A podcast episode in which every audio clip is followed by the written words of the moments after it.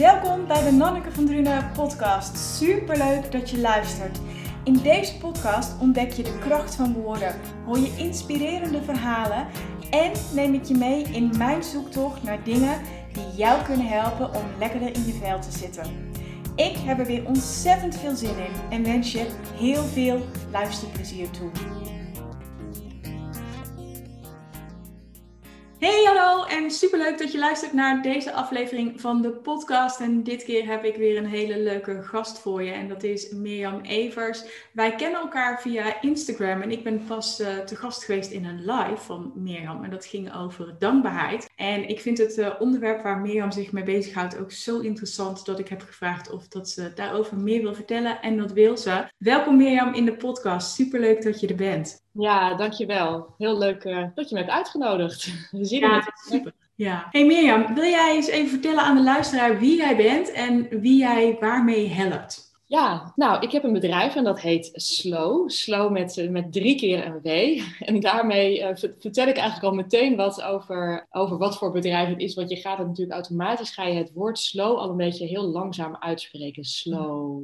Ja. En uh, dat is ook een beetje mijn missie, om, om, om vrouwen te helpen om te vertragen. En dan niet zomaar alle vrouwen, maar specifiek uh, vrouwen die, uh, die gehinderd worden of last hebben van spanningsklachten en angstklachten. Dus ik, ik help deze vrouwen um, ja, echt rusten weer te vinden, rust te creëren in hun lichaam, in hun hoofd, zodat ze wat meer grip krijgen op die spanningsklachten en angstklachten. En is dat een thema wat altijd in jouw leven heeft gespeeld, of is, die, is dit iets waar jij zeg maar door schade en schande bij bent gekomen? Ja, nou, het is niet voor niks dat ik me op deze groep richt, maar het is ook ook tegelijkertijd klinkt het, het voelt nu heel logisch dat ik, uh, dat ik met deze groep uh, vrouwen werk. Maar gek genoeg had ik daar even voor nodig om ook zelf te voelen dat ik eigenlijk het liefste met, met, met deze groep werk. En nu denk ik van, had ik dat had ik eigenlijk meteen moeten doen. Maar daar had ik dus ook echt zelf nog even een weg, een reis voor nodig. Maar laat ik beginnen met te vertellen dat ik ja, zo'n, zo'n, inmiddels zo'n ruim 15 jaar geleden zelf een periode heb gekend. Waarbij ik uh, ja, echt overmatig bezorgd en angstig was. En ook last had van paniekaanvallen. Uh, en op dat moment werkte ik bij een uh,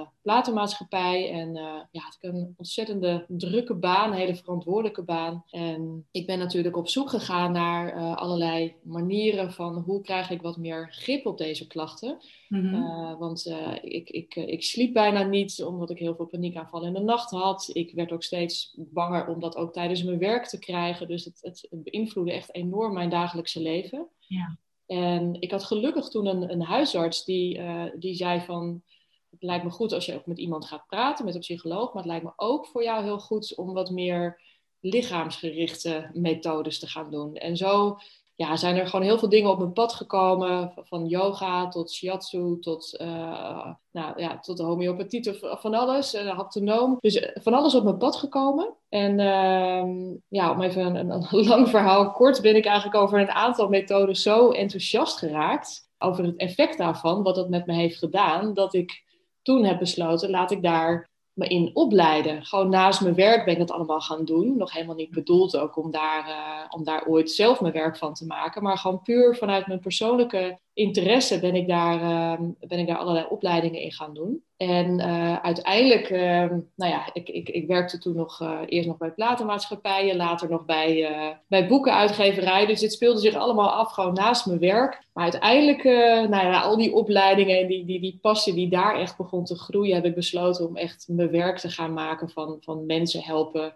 vertragen en ontspannen. En dus eerst dus heel erg in de algemene zin, gewoon voor iedereen die, die op zoek was naar meer, uh, naar, naar verstilling, naar vertraging, ontspanning. En uh, ja, de afgelopen tijd steeds meer op, op deze specifieke groep, die ik dus zelf zo ontzettend goed ken en herken, vrouwen met angstklachten. Kon jij destijds duiden waar jouw angstklachten en je paniekaanvallen vandaan kwamen? Vond je dat überhaupt belangrijk om dat te weten? Nee, ik kon het eigenlijk niet heel erg goed duiden. En voor mijn gevoel kwam dat, ja, het, is eigenlijk heel geleidelijk ontstaan. Uh, het was dus niet dat ik voor iets specifiek iets bang was. Hè? Dat is ook een vorm van angst. Dat, je, dat is dan meer een fobie. Dat, dat had ik niet. Ik, ja, voor spinnen of zo bijvoorbeeld. Ja, bijvoorbeeld. Of om op straten te lopen. Of uh, uh, nou ja, allerlei specifieke dingen kunnen mensen natuurlijk ook angst, angstig voor zijn. En dat kan ook echt je dagelijkse leven beïnvloeden bij mij was het meer een, een gevolg van, van ja, als je dan achteraf terugkijkt, dat ik gewoon te lange tijd eigenlijk vanuit mijn hoofd echt leefde. Eigenlijk nauwelijks uh, voelde van, ja, wat, wat vertelt mijn lichaam? En daarmee ook niet echt contact had met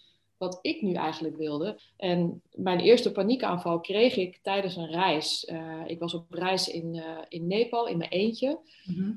en eigenlijk het feit alleen al dat ik daar in mijn eentje was, gaf al een beetje aan wat eigenlijk de kern van het probleem was. Want ik had bedacht in mijn hoofd dat ik, net als alle mensen om mij heen, ook in mijn eentje een reis wilde maken. Mhm. Maar was dat eigenlijk wel iets wat bij mij paste? Nee, helemaal niet. Ik ben, ja, nee, eigenlijk past alleen. Ik, alleen zijn kan ik heel goed. Maar ik ben altijd iemand geweest die best wel een beetje ja, eerder kijkt van, oh, wat kan er misgaan? En, en, en, en, en ja, dingen toch wel snel ik vind dingen toch wel snel spannend. Of ik zie vaak echt de risico's of de problemen. En ja, als je alleen reist, uh, is dat misschien niet uh, helemaal optimaal. Dat is heel heftig. Ik heb ook ja. zeker in mijn eentje gereisd. Als je inderdaad met die bril naar de wereld kijkt. Oh, dat lijkt ja. me echt heel heftig.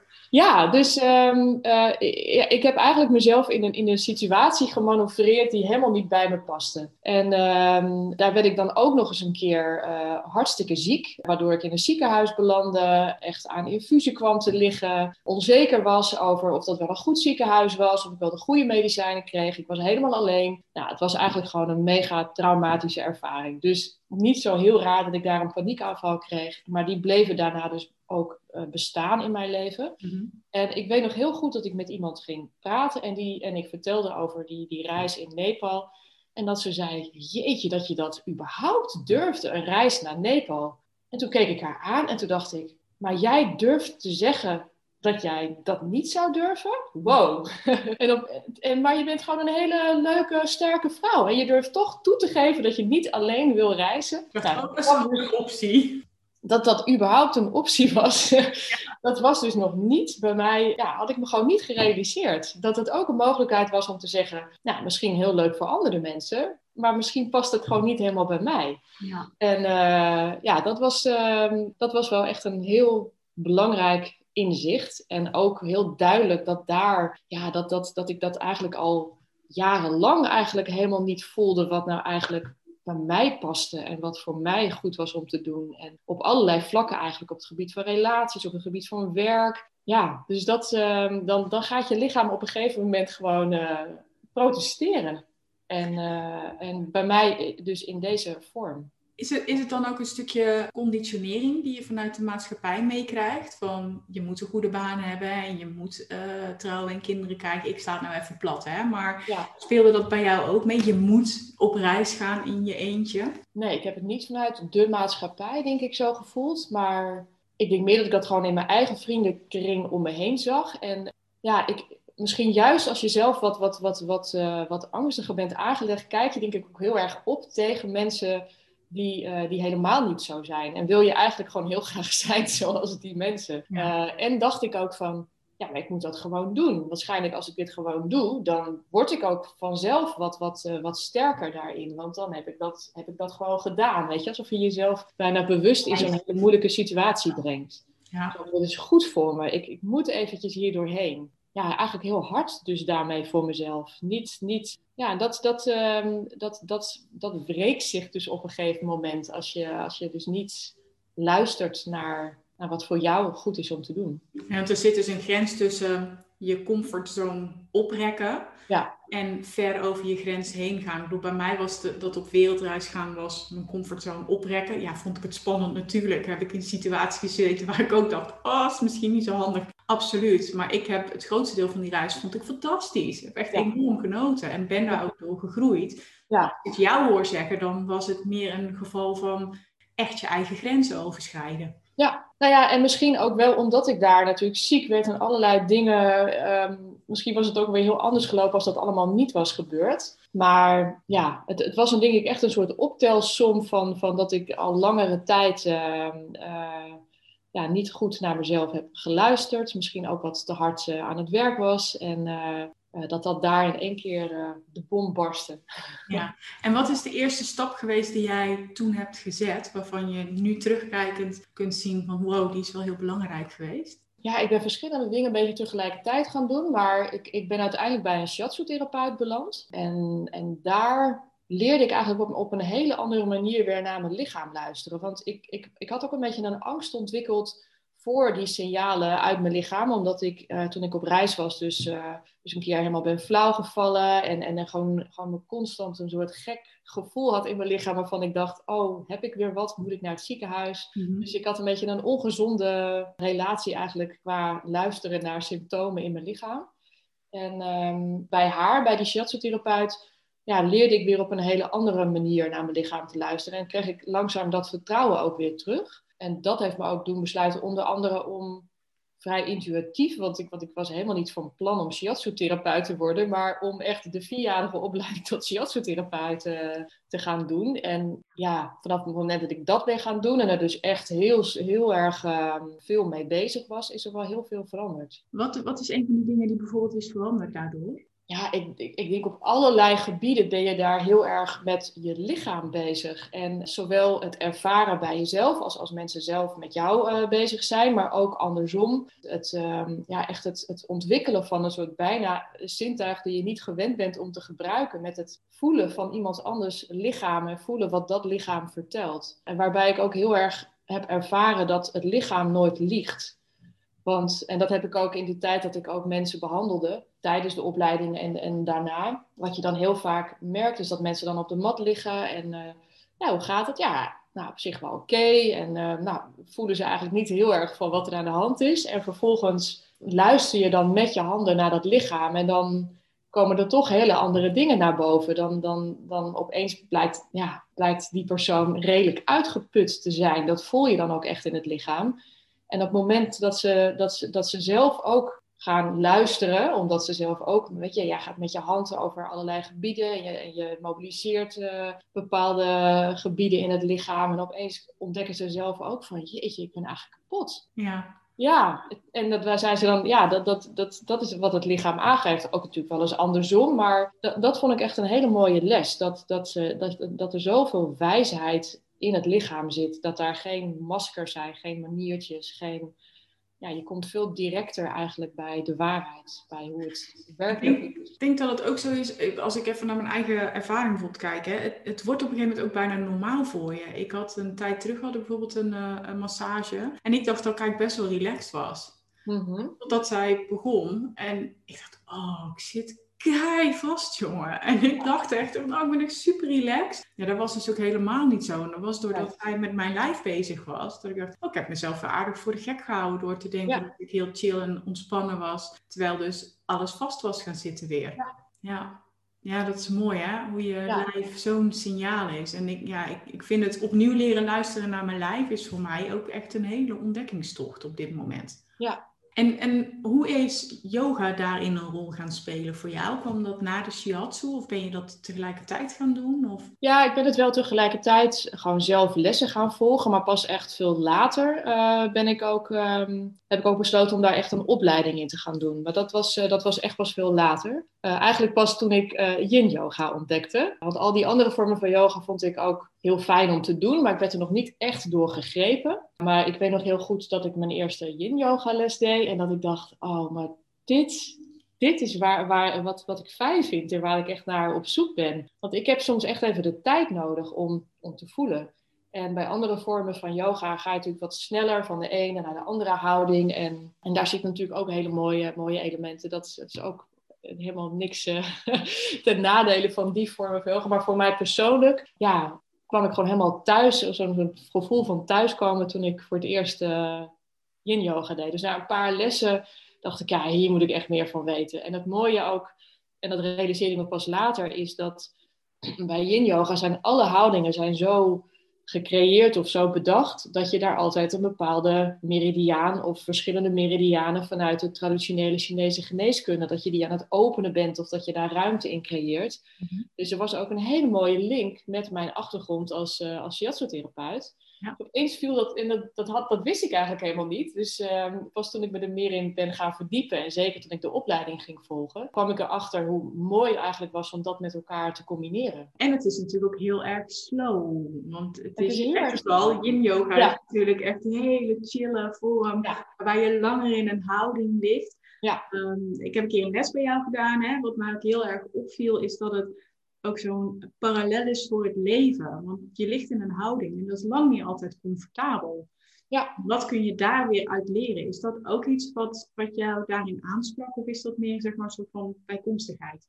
Nee, dat sprak me er heel erg in aan. Uh, dat je op allerlei niveaus, op allerlei lagen eigenlijk uh, dingen uit zo'n les kan halen. Want puur op fysiek niveau gebeurt er al hartstikke veel. Omdat je zo langere tijd stil ligt in een houding, heeft het bindweefsel krijgt echt alle ruimte om weer ja, zich langzaam te openen en zachter te worden, zodat de doorstroming ook uh, wordt gestimuleerd. Maar precies wat je zegt is dat je, dat je ook heel erg mooi kan oefenen om, om te leren aanwezig te zijn bij ongemak in je lichaam of ongemak in je hoofd. Hè? Want soms kan er tijdens een houding ook van alles voorbij komen in je hoofd. Uh, dat het opeens ja, dingen die boven komen drijven of emoties die langskomen. En het is, ja, daardoor is een, een, een les één grote oefening om daar niet van weg te gaan, maar om dat vanuit nieuwsgierigheid uh, te benaderen. En ehm, dat, zijn, ja, dat zijn hele belangrijke dingen om te leren, omdat je dat zo mooi kan leren op de mat in een veilige setting. Met, met, met iets heel concreets, namelijk echt dat die weerstand of dat ongemak dat je ervaart in je lichaam. En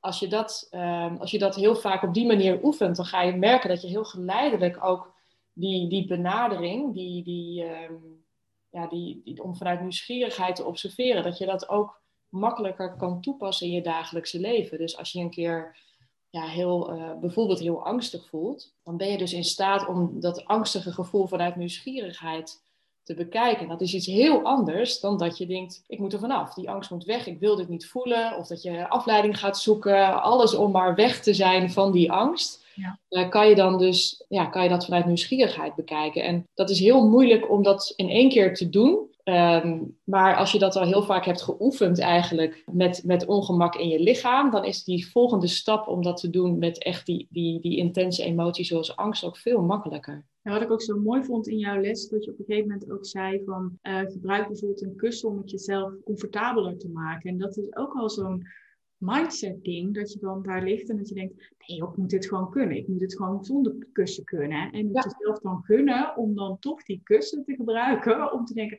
maar het mag ook comfortabel zijn. Ja. Dat vond ik ook echt zo'n confrontatie met mezelf, van waarom moet ik nou weer een moeilijke weg kiezen? Weet je, dit is ook gewoon een optie. Wat je eigenlijk met de meisje had, en dat had ik tijdens die les. Ja. Ja, en dat is ook heel mooi om bewust te worden van die neiging. Uh, want er zijn er ook, uh, uh, je kan er ook achter komen dat je wel heel snel geneigd bent om overal een kussentje bij te pakken. Dat je andersom, dat je denkt, nou, even zonder kussen proberen en kijken wat er gebeurt, is ook interessant. Want waar we het over hadden met dat reizen van ga je een beetje buiten je comfortzone of ga je ver over je grens, zo werkt dat natuurlijk dan ook in een les. Van ben je heel erg geneigd om echt te veilig eigenlijk te zijn en eigenlijk nooit ietsjes buiten je comfortzone te gaan. Wat uiteindelijk, ja, hè, wrijving geeft glans. Je moet soms echt een beetje, toch wel die, die, dat, dat ongemak een beetje opzoeken.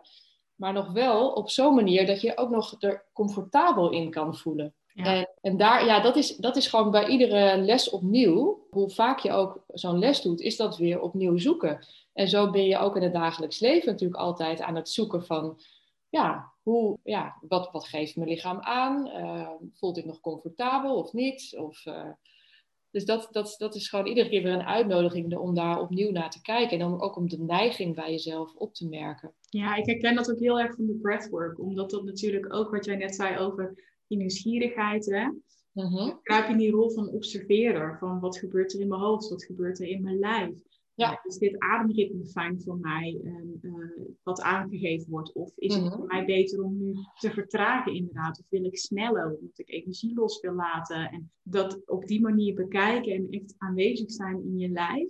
Dat is voor mij echt ook een hele mooie vorm. Wat jij eigenlijk uit je yin-yoga haalt, haal ik heel erg uit mijn ademwerk. Het observeren, ja. dat alles er mag zijn in je lijf. En, en ja, weet je, ja, ja, is gewoon heel tof. Dus dat, dat herken ik heel erg ook in wat jij met je, met je yin yoga ook hebt. Ja, ja. dat is ook heel mooi, hè? Dat, je, dat, je, dat je je lichaam bijna als een soort laboratorium ziet. En dat je als een soort onderzoeker zo van, oh, wat gebeurt er hier, wat gebeurt er daar? En dat je ook merkt van als ik mijn adem verander, ja, dan heeft dat eigenlijk ook weer invloed. In jouw geval hè, ga je dat natuurlijk dan heel erg uh, opmerken van, oh, dan voelt het opeens ook heel anders in mijn hoofd. En dan voelt mijn lichaam weer heel anders. En dan gaat dus mijn hartslag weer anders. En dat je zo een beetje kan spelen ook. En, uh... Ja, en ook dat je nog wel de controle hebt. Wat jij ook zegt van, je kan met kussentje, zonder kussentje. Bij de breathwork is natuurlijk ook, je kan een ademritme aangegeven krijgen, maar je kan altijd beslissen om sneller of langzamer te gaan ademen. Of te zeggen, yo, ik uh, ga even terug naar mijn eigen ademhaling en ik pak het wel weer op als ik even alle sensaties heb doorvoeld bijvoorbeeld. En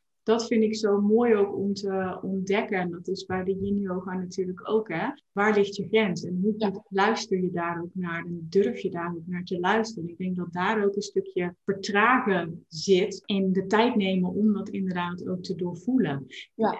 Geldt dat voor jou ook? Ervaar jij dat zo ook? Ja, nee, daar, dat, dat, uh, daar heb je ook even de tijd voor nodig. En, en, en om constant bewust die tijd te nemen. Ook al is het maar heel even, maar even een moment stil te staan van voelt dit oké? En, dan, en dan heel concreet, maar kan je dat dus maken in een, uh, in een yin yoga les of, of in jouw geval ook met, met, met ademwerk. Is dat heel makkelijk om daarmee te oefenen. Uh, van voelt dit oké? Want je voelt dat meteen echt heel letterlijk in je lichaam. En je voelt ook wat er gebeurt als je ergens wel even een kussentje onderlegt of als je die weer weghaalt. En dat, dat maakt het veel concreter om, uh, om te ervaren dan, dan als je meteen begint met um, ja, gewoon dagelijkse dingetjes in je, gewoon in je, in je leven van voelt dit oké of voelt het niet oké. Dat is soms lastiger om dan daar echt bij te komen. Ja. Uh, en dat, dat, dat vind ik zo mooi, dat je ehm, dat, je dat ja, keer op keer weer echt in je lichaam kan ervaren. En tenminste bij mij is die, die, die kennis daardoor echt veel meer uh, als een soort diep weten in mijn lichaam gezakt. En daarvoor was ik er, snapte ik dat allemaal wel, kon ik er ook prima over praten, over uitleggen, dingen over uitleggen. Maar blijft het een beetje op dit niveau? is, het dan, is het nog niet echt uh, gezakt? Nog niet de embodiment, zeg maar. Ja, ja precies. Ja. En als je nou kijkt naar vertragen, dat is natuurlijk een belangrijk thema in jouw leven. Wat, wat brengt dat jou en wat heeft het je gebracht? Nou, ik denk vooral dat ik wat beter heb leren luisteren naar mijn, naar mijn intuïtie. En ook, ik merk ook dat ik, dat, dat ik steeds makkelijker voel van, oh ja, die kant moet ik op, dat moet ik doen. Of nee, dat voelt niet goed. En uh, zolang je als, je, als je heel erg maar doorgaat de hele tijd, dan, dan is er eigenlijk gewoon nooit tijd en ruimte om, om dat bij jezelf te voelen. Tegelijkertijd, ik ben van nature, ben ik helemaal niet slow. Want ik, uh, ik, ik ben echt zo'n zo'n zo'n zo'n enthousiaste hond die bij echt uh, bij alles denkt: oh leuk, oh dat wil ik, oh leuk. Ik, mijn, mijn natuur is echt meteen go, meteen gaan en uh, alles meteen uitvoeren. En dus de reden dat, dat ik ook doe wat ik doe, is ook heel erg voor mezelf. Hè? You teach what you, wat zeggen ze ook alweer? You, you teach what you, mo, what you have to learn. Dat is ook alweer de uitspraak. Ja, practice what you preach. Ja, practice what you preach ook. Maar dat je ehm, nou ja, dat je, dat, je, dat je les geeft in dat wat je zelf het meest hebt te leren. Oh, zo, ja, ja, ja. Ja, maar ik weet even, dit is zo'n zo'n Engelse uitspraak die ik nu eventjes niet uh, helemaal uh, scherp heb. Maar dat is in ieder geval wat, wat um, en, en ja, die, die, slaat echt volledig op mij. Want het, ik, ik zit ook nog steeds midden in die, uh, die reis eigenlijk. En ik ontwikkel me daar natuurlijk wel, wel steeds meer in. Maar het houdt me ook, door hier ook zo zelf zo dagelijks mee bezig te zijn, hou, hou ik mezelf daarin ook scherp en uh, dwing ik mezelf ook om te vertragen. Want als ik dat niet, als ik dat niet doe, dan doe ik dat niet uit mezelf. Hmm. Herken je dat? Uh, ja, maar ik vraag me ook wel af of dat, dat een stukje conditionering is. Ik ben de laatste tijd ook meer aan het verdiepen in human design. En als ik dan kijk naar mijn human design, dan ben ik eigenlijk helemaal niet gemaakt voor working 9 to 5. Terwijl ik dat natuurlijk wel heel lang heb gedaan. En dat voor mhm. mij dus juist ook rust nemen en uh, na een periode vol focus werken, zeg maar weer even tot mezelf komen. Ja, dat zit ook niet in me. Terwijl ik denk, nou eigenlijk zit het dus wel in me, maar heb ik me dus laten leren om dat dus anders te doen. Dus dat is ja. ook weer zo'n balans van, um, ja, hoe, hoe ga je daar de balans in vinden? En ook wat jij zegt, ik vind ook heel veel dingen leuk. En ik vind het superleuk om te ontwikkelen en trainingen en zo te volgen. Dus dan is het ook echt weer een stap terug doen en zeggen: Oké, nee, ik ga niet alles tegelijk doen dan maar één voor één. Dan duurt het allemaal weer wat langer misschien, maar dan wel met aandacht. Dus in die zin ook vertragen om het dan met aandacht te doen. Maar dat is ook absoluut een proces waar ik volledig doorheen aan het gaan ben op dit ja. moment. Ja. ja, leuk dat je dat human design, ik weet er nog niet heel veel van, maar ik heb wel een keer onderzocht welk type ik ben. Wat ben jij? De, de manifester generator. Is dat oh ja, ja, jij bent inderdaad wel zo'n go, go, go. Ik, uh, ja. Ik ben een maar de, wat, wat, er, wat, wat, wat daar eigenlijk de, de opdracht voor is, is wachten wat er op je afkomt.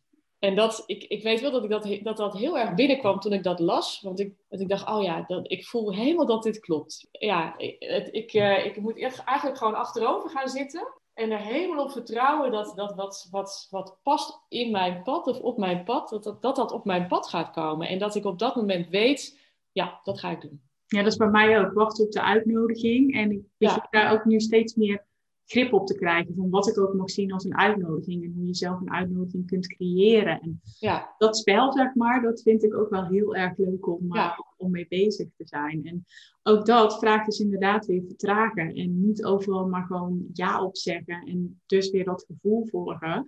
Ja. Het, het, is een uitnodiging, maar is het ook de juiste uitnodiging? En niet meteen, oh, een uitnodiging. Weet je, ja, zie je. ja, dat is superleuk. Als er nou iemand luistert en die zegt, oh, ik herken dat eigenlijk ook wel, dat ik, dat ik zou mogen vertragen. Wat zou voor jou een eerste tip zijn voor mensen om te starten met een slower leven? Ja, mijn, mijn belangrijkste tip, als ik ook, hè, als ik met, bijvoorbeeld met, met, met vrouwen werk die, die op dit moment heel erg gespannen zijn en, en angstig zijn. Eigenlijk het eerste wat we, wat we gaan doen is een soort hele kleine mini-momentjes op de dag inplannen, uh, waarbij we een, een kalmerende, vertragende ademhalingsoefening gaan doen. Mm En het mooie is dat die oefeningen op zich, ja, die zijn ontzettend simpel, bijna te simpel voor woorden, dat je denkt van nou, hoe kan je hier nou echt je leven mee veranderen, maar het effect is ontzettend groot. Uh, niet alleen omdat je die oefeningen doet, want vaak als mensen heel erg uh, een beetje in een gespannen periode zitten, dan is hun zenuwstelsel natuurlijk behoorlijk overprikkeld. Ja. En is het uh, alleen al daarom belangrijk om, om dat zenuwstelsel af en toe weer een, een, een, trigger te geven om, om wat meer op de rem te trappen en wat meer in die andere rust- en herstelmodus te zakken. Maar ook het besluit om een paar momentjes per dag, terwijl je die ademhalingsoefening doet, dus even bewust tijd voor jezelf te maken. Zonder, zonder ehm, eh, dat daar weer een heel doel uh, bij zit van want ik moet over drie weken uh, moet ik me heel anders voelen. Maar gewoon puur ja, dat gewoon voor jezelf plannen. En op het moment dat je, dat je, dat je met zo'n oefening bezig bent, ben je eigenlijk als vanzelf ook veel meer met je aandacht in je lichaam. Dan ben je niet zo aan het plannen en analyseren en, en aan het denken. Uh, dus dat, dat geeft ook meteen wat rust in je hoofd. En ja, dat, is zo'n, zo'n, zo'n, dat zijn van die kleine stapjes die ontzettend veel effect hebben.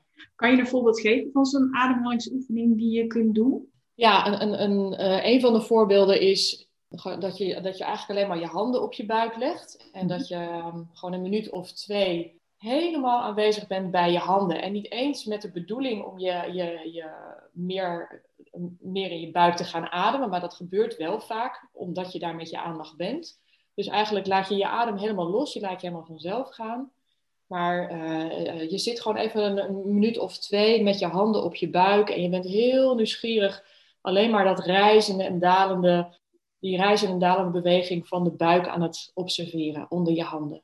Dat is al een super krachtige oefening. Ja, en dan zijn er een aantal oefeningen, of is er een aantal oefeningen waarbij je um, de uitademing heel mooi kan vertragen en langer kan maken. Want ook dat is een, een heel uh, krachtig signaal richting je zenuwstelsel om tot rust te komen. En dan zijn er verschillende. Eentje die, die bijvoorbeeld heel mooi is, is om in te ademen door je neus. En als je dan uitademt, dat je, dat je ja, je lippen een beetje tuit, alsof je dan een rietje gaat uitblazen. En dan krijg je een hele lange uitademing. En omdat hij gewoon door dat kleine gaatje naar buiten moet, krijg je natuurlijk heel veel weerstand. Wordt het automatisch een lange uitademing. En ook dat blazen, dat geluid wat je dan hoort, dat, dat geeft ook een gevoel van ja, van loslaten. Van, van even alle, alle spanning die in je zit, alsof je dat aan het, ja, alsof je dat uitblaast en dat je langzaam wat leger wordt. En eh, ja, als je dat een keer of drie doet, ja, dat is ook wel een hele simpele en effectieve oefening. En zo zijn er nog een heleboel, maar dit zijn twee hele makkelijke die ook makkelijk zijn om te onthouden.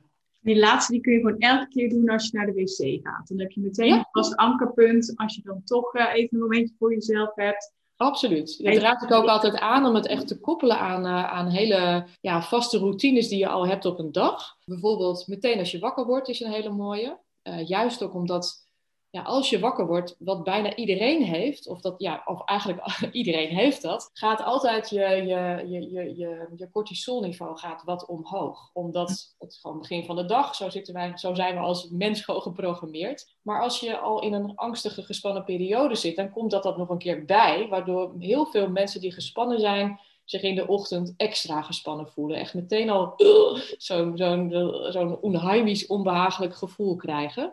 Dus die, dat begin van de dag, om dan even meteen zo'n lekkere kalmerende ademhalingsoefening te doen, is al een hele mooie. Naar de wc gaan is inderdaad ook een hele goede. Als je zit te wachten op, uh, op uh, het water dat, uh, dat je aan het koken bent voor je thee, of altijd meteen naar de lunch, of dat soort momenten, dat dat echt vaste momenten worden in je dag. Dus niet als je gespannen voelt, maar gewoon, op, gewoon, gewoon altijd dezelfde momenten. Want dat is het denk ik ook, hè? Dat, jij zegt het zo mooi, niet pas als je je gespannen voelt. Ja. Dat is natuurlijk ook iets wat we heel erg geneigd zijn om te doen, hè? Om het te gaan oplossen als het ja. zover is. Terwijl je ook zoveel kunt doen om te zorgen dat het niet eens zo ver hoeft te komen. Ja, Nee, want da daar zit echt een heel groot verschil. Want dan, uh, het voelt al heel anders. Want je, want je doet het dan niet meer om uh, dat gespannen of angstige gevoel wat je op dat moment hebt weg te krijgen. Je doet het gewoon op vaste momenten. En uh, dat is een soort, ja, soort onderhoud of een soort zelfliefde om dat gewoon heel regelmatig te doen.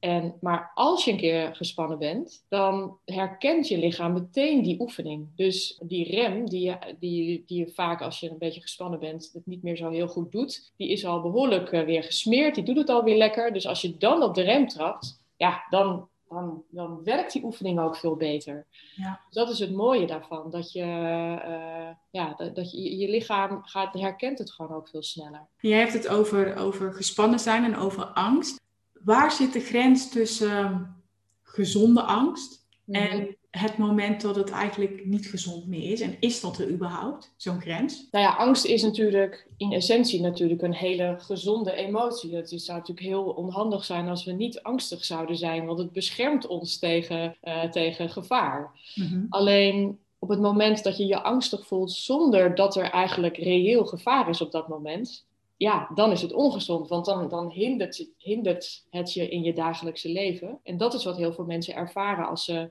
en dat is dan vaak ook het gevolg van te lange tijd eigenlijk onder een bepaalde spanning staan, dat dat uiteindelijk ja, zich uit in een constant onheimisch angstig gevoel. En dan heeft het dus niks meer met reëel gevaar te maken. Vaak is het dan ook helemaal niet duidelijk waar je nou eigenlijk bang voor bent. Maar je voelt je gewoon bang zonder aanleiding. En, en is het dan bijvoorbeeld als je zegt van ik ben gespannen voor een examen. Of uh, ik stond op Schiphol voor mijn wereldreis. En uh, you bet dat ik dat heel spannend vond. Maar dat, ja, maar dat zijn hele concrete aanleidingen. Ja, ja dat, dat zijn hele concrete, uh, dat is heel concreet. Maar als je wakker wordt en je voelt je gewoon heel erg bang alsof er iets ergs gaat gebeuren. Maar er is eigenlijk gewoon een hele normale dag die er uh, in het vooruitschiet ligt. Ja. ja, dan is het ongezond. Maar dat je bang bent voor een examen of als je een keer moet, opeens op een podium moet staan. Of, uh, dat is natuurlijk ook iets wat je kan leren om daar weer de, je rust in te vinden. Maar dat is niet het soort angst waar ik het nu over heb. Nee. Nee. Stel dat je nou in die categorie valt waar jij het wel over hebt. Wat is dan een eerste stap die je zou kunnen zetten? Nou ja, eigenlijk wat ik, wat ik net al zei, hoe ik zelf altijd dus begin als ik langere tijd met vrouwen werk, is om eerst echt dat zenuwstelsel wat tot rust te brengen. Met, met, uh, met de ademhaling is daarbij eigenlijk het belangrijkste instrument. En dan ook echt volgens een plan te gaan werken. Dus wat je, wat je heel erg geneigd bent vaak als je heel erg gespannen bent, is dat je, je probeert dat even uit, je probeert dat even uit. En nou, dat werkt dan niet, want dan heb je dan vaak ook net niet lang genoeg de tijd uh, gegeven. Waardoor je denkt, ja, zie je, het lukt niet. En, maar als je, als je rustig volgens een plan gaat werken en het ook echt besluit om dat gewoon even de tijd te geven en het, het eindresultaat ook probeert los te laten, hoe moeilijk dat ook is. Uh, en dan stapje voor stapje dat lichaam uh, weer tot rust brengen. En een andere, een andere component wat daar een beetje bij hoort, is dat je ook gaat oefenen om dat, die angst en dat ongemak, om dat een beetje op een andere manier, om daar een andere relatie mee op te bouwen. Zodat het niet iets is waar je van af wil, maar dat het iets is wat, je, ja, wat gewoon bij je hoort en wat je kan observeren en waar je eerder een beweging naartoe leert te maken. Hoe onnatuurlijk dat misschien op dit moment voor mensen dan ook uh, zou kunnen voelen. En dat kan je dus leren. Dat kan je, nou ja, wat ik, waar we net natuurlijk uitgebreid over hebben gehad, hoe mooi je dat kan leren uh, met, met meer lichamelijke oefeningen. Mhm. Ja, en jij zei aan het begin van het gesprek van ik werk nu voor en met deze doelgroep en eigenlijk is het heel logisch, maar het heeft best wel zijn weg gehad. Hoe kwam het dat het die weg heeft gehad? Zat daar weerstand bij jou? Of? Ja, goede vraag. Ik was denk ik zelf ook een beetje vergeten dat het daar eigenlijk allemaal mee begonnen is. Waarom ik uh, helemaal uh, deze, voor deze richting heb gekozen. En ik ben daar uh, achter gekomen omdat ik een, een keer een heel mooi gesprek met iemand heb gehad. Um, die, die, die, die ging mij helpen om mijn verhaal eigenlijk duidelijker te krijgen. Uh, dat was eigenlijk echt bedoeld voor mijn website, voor, mijn, voor de pagina van Over Mij. Ja. Uh, ging zij mij helpen om dat verhaal wat duidelijker te krijgen. En uh, toen nou, heeft ze me allemaal vragen gesteld. En eigenlijk door haar gesprek, of, of door het gesprek met haar, ja, opeens kwam dat zo allemaal naar boven. en bleek dat een soort rode draad te zijn. En toen zei ik zelf aan het einde van het gesprek, nou, ik begrijp, ik, waarom maak ik eigenlijk niet wat ik doe speciaal voor mensen met angstklachten? En toen zei ze, nou inderdaad, want ik had natuurlijk eerst tegen haar gezegd dat ik me eigenlijk meer wilde richten, uh, bijvoorbeeld op, op, uh, op moeders die, die, die moeite hebben om te ontspannen. Want ik dacht, ja, die begrijp ik ook heel goed, want dat, ik zit zelf ook met een jong gezin. En, en toen zei ze, ik hoor je echt nergens iets zeggen over moeders of, of ze zei, ja, ik, ik weet het niet hoor. Ik wil het wel daarna toeschrijven als je dat wil, maar ik hoor je daar helemaal niks over zeggen. Ik hoor je eigenlijk vooral zeggen welke ontwikkeling jij hebt meegemaakt en, en hoe je daarin bent gegroeid. En ja, dus opeens was het zo duidelijk als wat. En, uh, had ik, maar had ik daar echt dus dit gesprek voor nodig om, om daartoe te komen? Ja, maar dat is natuurlijk ook het proces waar je doorheen mag. Hè? Dat herken ik natuurlijk ook bij mezelf in de afgelopen periode. Als mij een paar jaar geleden had gezegd dat ik dit nu aan het doen was, dan had ik je waarschijnlijk ook niet geloofd. En nu voelt het allemaal ook wel heel erg logisch. ja. Ik, oh ja, oké, okay. let's go with the flow. Ja, absoluut waar. Ja, mooi hè, hoe je soms ook in een gesprek of door het stellen van de juiste vragen, hoe dat je dan toch weer tot zo'n inzicht kan brengen. Ja, ja, ja en deze, is, deze heeft echt zulke verstrekkende gevolgen gehad. Want ik heb mijn hele bedrijf gewoon 180 graden om. Nou ja, ik doe, doe nog natuurlijk in wezen natuurlijk heel erg dezelfde dingen. Maar ja, ik ben heel veel dingen toch wel compleet anders gaan doen. Ja, mooi hè. Uh, maar dat is dus echt ook de kracht van jezelf de juiste vragen stellen en tot inzicht te komen. Dat ja. is natuurlijk journaling ook een hele mooie uh, ja. methode. Ik denk dat jij ook met, met de mensen die jij begeleid af en toe dat soort stappen. Uh, of ziet dat zoiets gebeurt. Ja, soms zie ik het ook niet. Uh, bijvoorbeeld schrijf jezelf beter. Dat doen de mensen ook bewust, uh, zeg maar, zonder mijn begeleiding erbij. Omdat ik geloof dat je dan volledig eerlijk tegen jezelf kunt zijn. Als je weet dat er juist niemand meekijkt naar wat je schrijft. Mm -hmm. Maar ik heb daar ook wel eens van mensen teruggekregen dat ze zeiden van... Het heeft me zoveel inzichten gegeven dat ik echt gewoon ja, totaal anders uh, ben gaan doen. Of zelf ook ben veranderd. En dan denk ik, ja, dat is wel echt heel erg mooi als je daar ja. bijdrage aan mag leveren. ja. ja. Ja, cool is dat. Ja, echt heel mooi. Ja. Mirjam, we kunnen niet in de toekomst kijken, maar we gaan een poging doen. Stel uh, over vijf jaar, waar sta jij dan? Heb je nog wensen, dromen? Oh, ik wou dat ik dat dan echt, zou, echt in één keer zo kon zeggen. Maar ik, uh, ja, ik heb wel een paar dromen. Ik wil bijvoorbeeld heel graag beginnen met een podcast. Ja.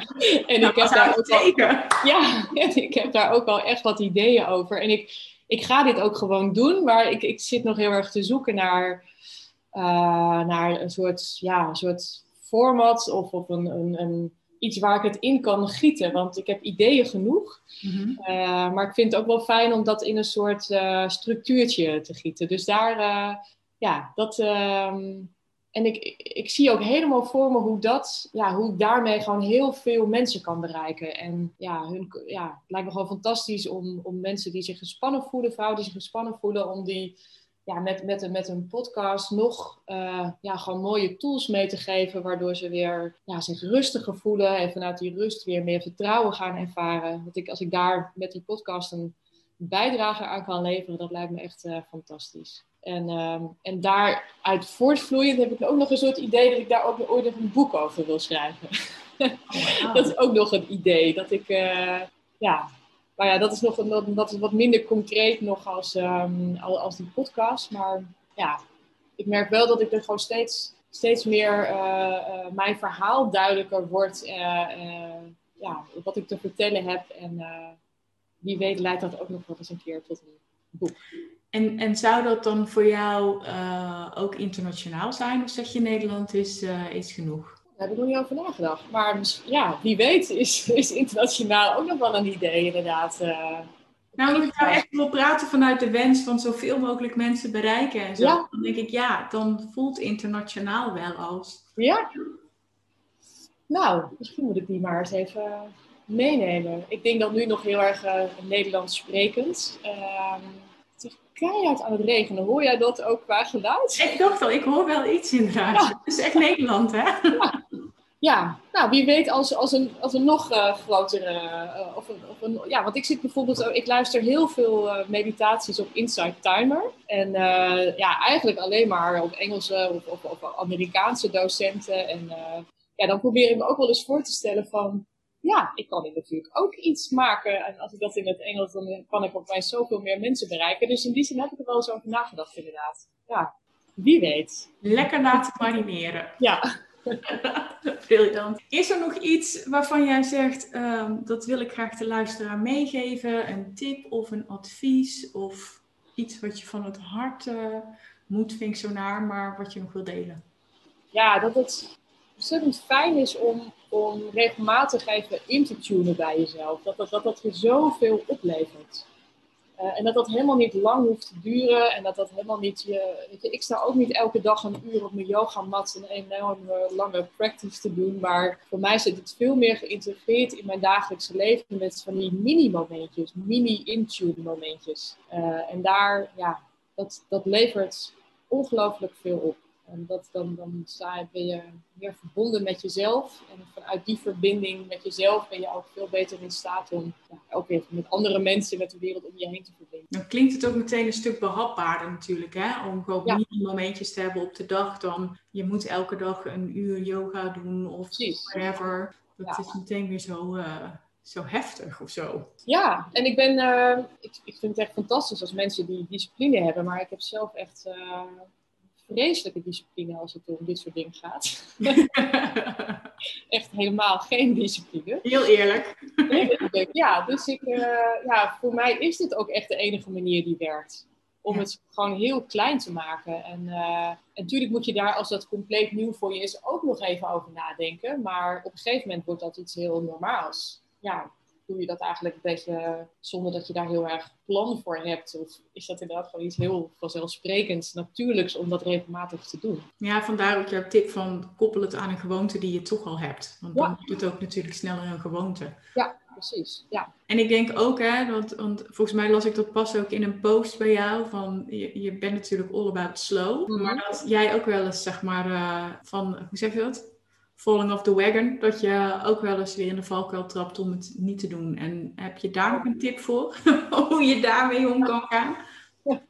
Ja, nou, het belangrijkste tip is toch gewoon de volgende dag weer uh, vrolijk verder uh, opnieuw met je, met je voornemen om dingen uh, ja, wat meer vanuit rust en verstilling te doen. Dus iedere dag gewoon weer een nieuwe dag. Ja. Vooral, niet, vooral niet zo streng voor jezelf. Het, ja, dat dat niet ook iets is waar je goed in moet worden. Hè? Die, die, als je die neiging dan een beetje bij jezelf hebt, dan uh, kan dat je ook enorm in de weg zitten, ook in dit proces. Dus ook ja, dat die, die tijd nemen voor jezelf, dat je ook dat proces, dat je dat de tijd Lijkt me hartstikke mooi om mee af te sluiten. Mirjam, als mensen meer van jou, van jou willen weten, ze willen op de hoogte blijven, waar kunnen ze dan terecht? Op mijn website. Ik denk dat je daar de meeste informatie kan vinden. En dat is uh, slow met drie keer een w. Ehm, en daar vind je ook alle linkjes om naar Instagram en Facebook en LinkedIn, et cetera, doorverwezen te worden. Maar ik denk het belangrijkste om te onthouden is uh, slow met drie keer een week. Nou, super. Dan weten mensen waar ze je kunnen vinden. Je bent ook actief op uh, ja, meerdere socials, maar onder andere ook op Instagram. Mocht je nou naar deze aflevering luisteren en je denkt, hé, hey, tof, ik heb er iets uitgehaald. Of uh, ik ga die oefening doen, een van die ademoefeningen die uh, Mirjam heeft gedeeld. super tof als je een screenshotje zou maken en die wilt delen, bijvoorbeeld in je stories. En dan Mirjam en mij wilt taggen en jij bent at Mirjam underscore slow? Ja, Mirjam slow. Nee, aan elkaar vast. Aan elkaar vast. Slow, aan elkaar vast, ja. En dan ook weer met de drie W's, hè? Ja, met de drie W's, yes. Ja, super. Nou, hartstikke leuk als je dat wil doen. En Mirjam en mij laat weten dat je naar de podcast hebt geluisterd. Als je denkt, dag, dat doe ik echt niet. Een DM vinden we ook heel erg leuk. Of uh, nou, als je gewoon geluisterd hebt, we hopen dat je iets uh, uit dit gesprek mag halen. En dat het je iets brengt. Mirjam, hartstikke dankjewel voor jouw aanwezigheid in de podcast. Ja, heel graag gedaan. Ik vond het een heel leuk en uh, inspirerend gesprek. Ah, super. En jij bedankt voor het luisteren. Dan wens ik je namens Mirjam en mezelf nog een hele fijne dag toe. Doeg!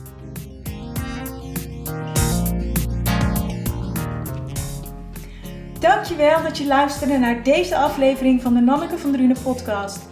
Ik hoop dat je de aflevering interessant vond.